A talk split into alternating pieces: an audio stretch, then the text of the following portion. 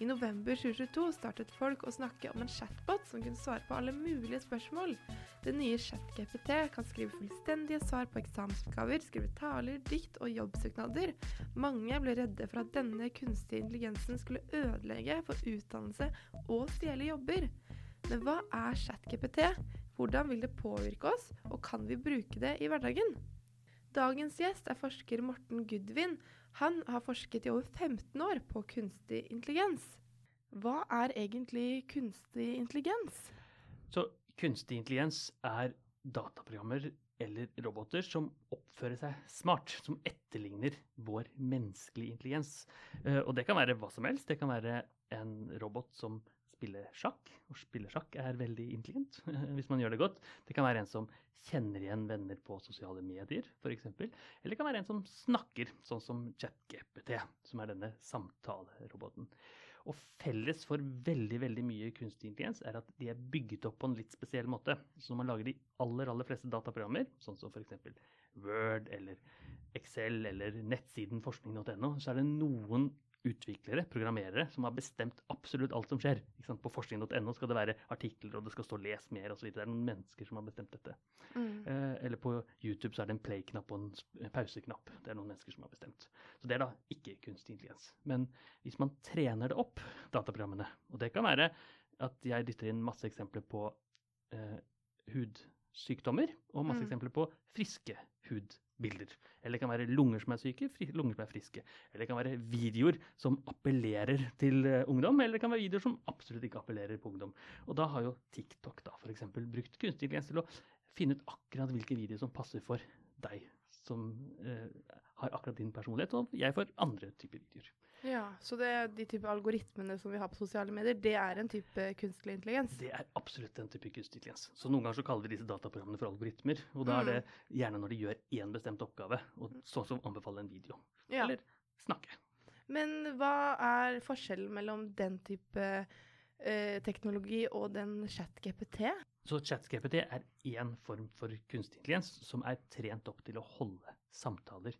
Og det OpenAI, som er denne bedriften som leverer ChatGPT, eid av bl.a. Elon Musk, mm. det er at de har gått på internett og funnet nesten alt de kan samle av tekst, og så har de bedt kunstig intelligensen etterligne den teksten. Og helt konkret, det de gjør, er at de har eh, en setning, og så fjerner de f.eks. ett ord av den setningen. Og så mm. prøver de å få den kunstig intelligensen til å gjette hvilket ord som er fjernet. Så hvis det står har, det er bedre å ha én fugl i hånda enn ti på, prikk, prikk, prikk, så skal den ah, ja. kunstig intelligensen gjette taket.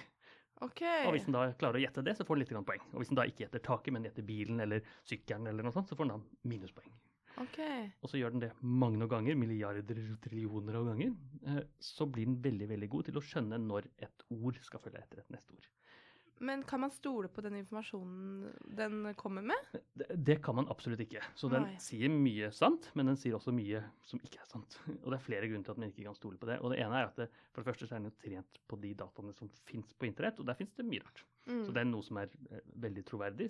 Det som er på forskning.no, er stort sett det, f.eks.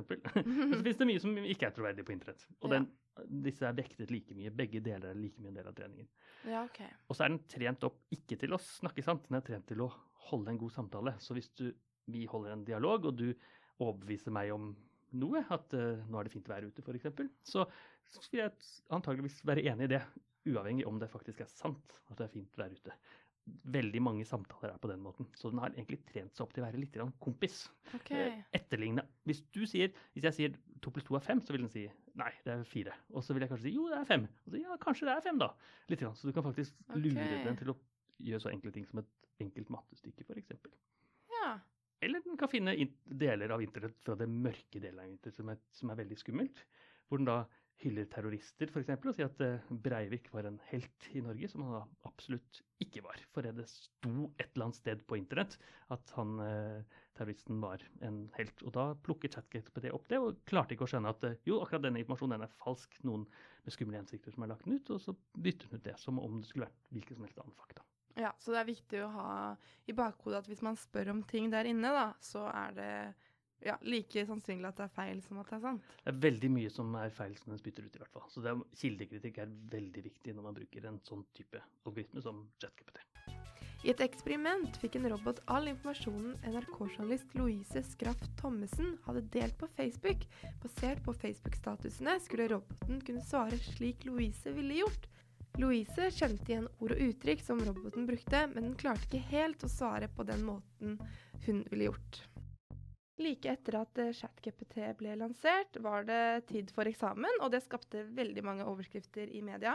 Lærerne ble veldig redde for at elevene kom til å jukse og få ChatGPT til å svare på oppgavene. Eh, og flere ble faktisk tatt til juks også. Hvordan vil denne nettsiden kunne påvirke oss egentlig? Ja, så dette er jo en av mange nettsider som har disse typer tjenestene. Og det kan brukes til juks, og det kan brukes til å skrive engelsk stil eller norsk stil på en veldig veldig god måte. Eh, og det betyr at vi egentlig får helt nye verktøy som kan hjelpe oss, ikke bare i skoleeksamenssituasjonen, men i hele skriveprosessen. Mm. Eh, og det kan være at man ber de skrive hele stilen. Det går fint. Eller det kan være at man får inspirasjon til å skrive en stil, f.eks. Kanskje har man litt skrivesperre, og så dytter man en del av teksten man allerede har skrevet, og så ber man ChatGPT fortsette. Mm. Eller jeg kan komme med en holdning. Her har jeg snakket om eh, for lavere straffer, f.eks. Kan du komme med motsatt argument, så kan ChatGPT hjelpe deg til å liksom, få se det på andre siden av eh, en skolestil. Så, det kan brukes til ren juks, hvis man vil, men det kan vel så mye brukes til hjelp til en skrivesituasjon, enten man er studentelev eller om man er forfatter eller journalist.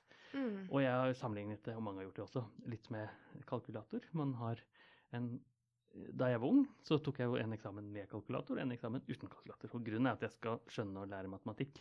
Mm. Eh, også uten kalkulator skjønne hva gang og pluss og alle disse mer avanserte tingene er. Men jeg skal også skjønne hva en kalkulator kan og ikke kan. Og jeg tenker jo at ChatGPT burde være et lignende type verktøy. Altså, Man bør absolutt lære å skrive helt uten disse verktøyene. Hvordan skriver man en god tekst, f.eks. Og man bør også lære hvordan man kan bruke dette til skrivehjelp. Mm. Og jeg tror at de aller fleste elever har ikke egentlig lyst til å jukse, selv om det er tilgjengelig. Eh, men her er det bare litt lettere da, enn det er å f.eks. kopiere direkte fra Wikipedia, som ville ha vært veldig lett å avsløre. Mm, så det kan jo være lurt å bruke det som et verktøy, og ikke liksom som et fullstendig Nå plotter jeg inn en oppgave, og så får jeg svaret, da. Ja, det vil jeg si. Mm. Så, så, hvis du lenge skjønner hva den kan brukes til, og det mm. verktøy som inspirerer deg, f.eks. vil vært Eller du kan få Kan du hjelpe meg å finne skrivefeil her, f.eks. Kan du hjelpe meg å få bedre flyt i teksten? Å ja, den gjør det òg? Ja da, absolutt. Ja, okay. Kan jeg skrive det litt mer avansert, kan du også be den om å gjøre. Men når du gjør disse tingene, så bør du selvfølgelig være ærlig på at det er gjort. Mm. Så det kan jo hende læreren sier at du ikke skal bruke det, og, sier ja, kjempebra språk, og så er det ChatGPT som egentlig har stått for selve språket. ikke sant? Mm. Så det må man jo naturligvis passe på. Men den, det kan du absolutt gjøre. Du kan be den skrive mer avansert tekst. Be, kanskje jeg som har en tendens til å skrive litt avansert tekst som forsker, kan mm. be å skrive en tekst som passer mer for ungdom, for eksempel, okay. eller mer for barn. Og det kan den absolutt gjøre. Ja, så den har jo veldig mange funksjoner. Ja. Og dere i forskning.no for eksempel, kunne jo hatt at her er en artikkel som er skrevet for gamle mennesker, men la meg også skrive den samme for ungdom.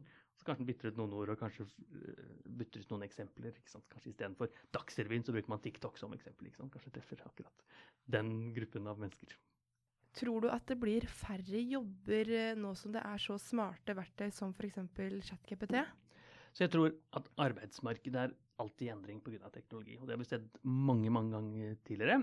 Og dette er ikke noe nytt i så henseende. Det kommer til å være jobber som forsvinner pga. denne teknologien. Men det kommer også til å være jobber som dukker opp.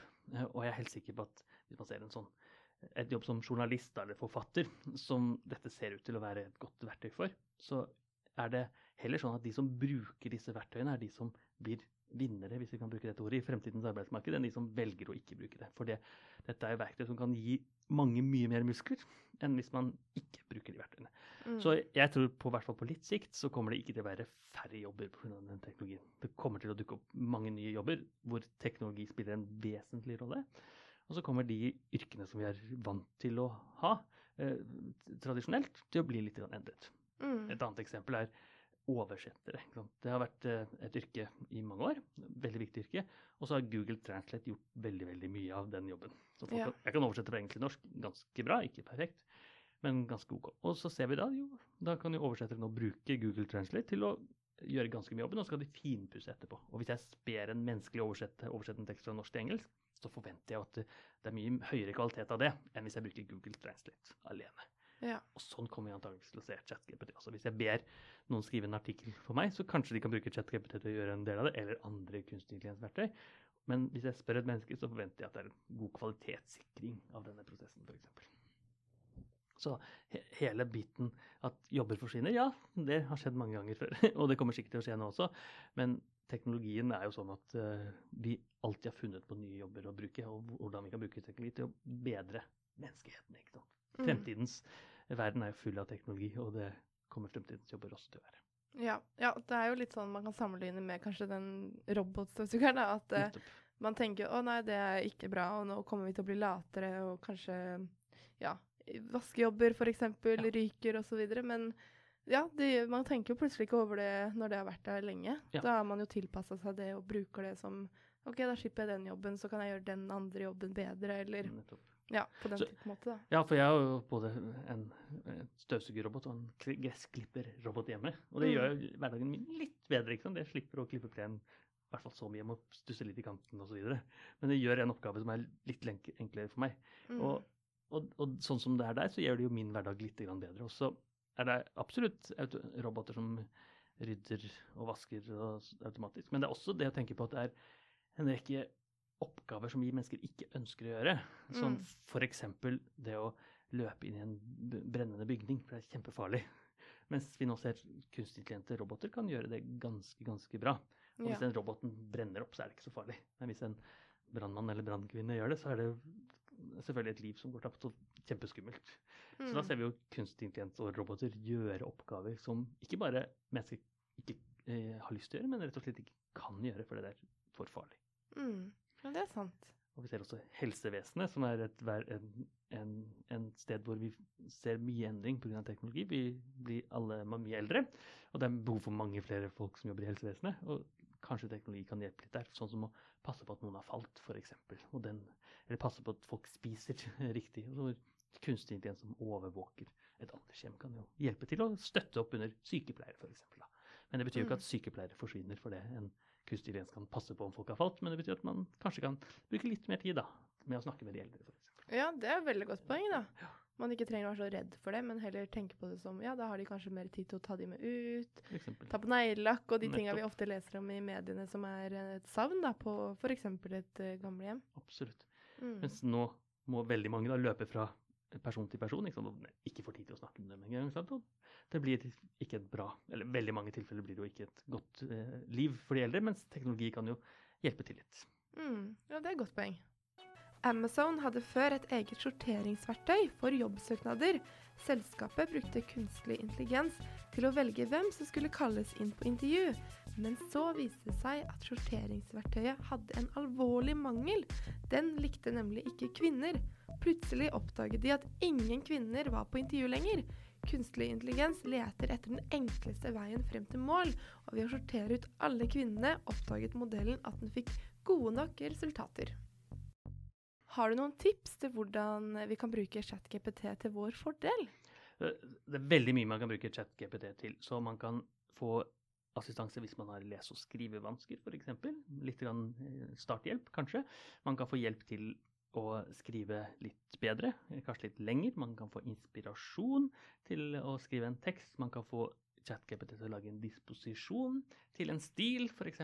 Mm. Man kan få ChatGPT til å stille deg spørsmål om en tekst. Jeg dytter inn en tekst, så kan du stille meg noen typiske eksamensspørsmål som jeg ville fått eh, på Å, ja. dette spørsmålet. Så det er ikke sikkert det er de samme eksamensspørsmålene som du kan faktisk får på eksamen, men det er jo litt sånn automatisk oppgavebygging da, og trening. Ja. Og jeg som lærer har jo brukt ChatGPT til å eh, hjelpe til å evaluere oppgaver. Her er en oppgave som en student har dyttet inn. Og så har ChatGPT sagt at jo, kanskje du skal se på eh, den delen der som er litt svak, men den delen her av teksten er mye sterkere. Og ChatGPT hjelper da meg som lærer. Ok, så den har veldig mye mer eh, ferdigheter enn det jeg visste, i hvert fall. Det er ganske mye, og du kan jo tenke deg hva enn som finnes på internett av informasjon. Stort sett alt dette har den jo lært seg på godt og vondt. Og da finnes det oppgaver, og det finnes norskstiler, og det finnes engelskstiler, og det finnes sprøyt og svada. Og alt dette plukker jo ChatGPT opp. Det som er vanskelig, er å skille klinten fra hveten. Hva er det som er nyttig informasjon her, og hva som er svak informasjon. Mm. Den kildekritikken da, som jeg tror blir vesentlig å forstå eh, i fremover, for det både ChatGPT og disse andre kunstige intelligensene som f.eks. tegner bilder veldig, Mm. veldig godt, de kommer til å gjøre at um, informasjonen som vi ser på internett, kommer til å være enda vanskeligere å skjønne om faktisk er riktig eh, enn det er i dag. Ja, ja det, det skjønner jeg. Men for å, hvordan skal man liksom gå frem nå for, hvis jeg har lyst til å bruke det? Hva går jeg inn på da, liksom? Ja, så du går på uh, openai.com, tror jeg, i hvert fall OpenAI sin nettside, og så Mm. velger du ChatGPT, eller du kan bare google ChatGPT. Det har et Mm. litt uh, dårlig navn, egentlig, GPT. Men, uh, men da finner du det, og så må du antageligvis logge inn, Mm. skape en bruker. Uh, og så får du lov å bruke det helt gratis. Og da er det egentlig bare å stille et hvilket som helst spørsmål. Det kan være er det fint vær ute, eller kan du gi meg noen tips til treningsopplegg som jeg som har lyst til å bli bedre i håndball, eller jeg har lyst til å bake en helt ny kake, og jeg har jordbær hjemme og krem hjemme, men jeg har ikke mel. Gi meg tips. Oi, det er jo veldig gøy. Absolutt. Ja, så det er virkelig noe man kan liksom leke seg litt med og prøve seg fram i, da. Men bare ha i bakhodet at plutselig dukker det opp et ord eller et begrep som egentlig ikke fins, eller Ja. fakta som kanskje er feil, da. Nettopp hvis du ber om definisjoner, f.eks. Ja. Så jeg har spurt den om torskens opprinnelse. Eh, Og jeg kan ikke noe om torsk, men, og for meg virket det veldig troverdig, det som kom ut. Men så spurte jeg en torskeforsker, og han sa Ja. at dette her bare sprøyt. det, alt dette som står her, kan jo, er sånn nesten i nærheten av å være sant, men det er ikke sant. Så hvis man ikke kan noe om området, så er det veldig lett å bli overbevist av ChatGPT. Det er kanskje ikke så rart at mange ble skeptiske da ChatGPT ble lansert, for den kan jo gjøre utrolig mye. Men det er nok som Morten sier, at dette gjelder all ny teknologi. Vi må bare lære oss å bruke det til vår fordel. Så selv om det frister å skrive inn hele eksamensoppgaven, så kan man jo kanskje prøve å få den til å gi noen gode tips, eller hjelpe videre på veien. Dagens gjest var forsker Morten Gudvin, og jeg, Malin Haugan, var programleder. Dersom det er noe du lurer på, send gjerne en e-post til e-post-alfakrøll-forskning.no. Dersom du vil vite mer om forskningen som er brukt i episoden, gå inn på ung.forskning.no.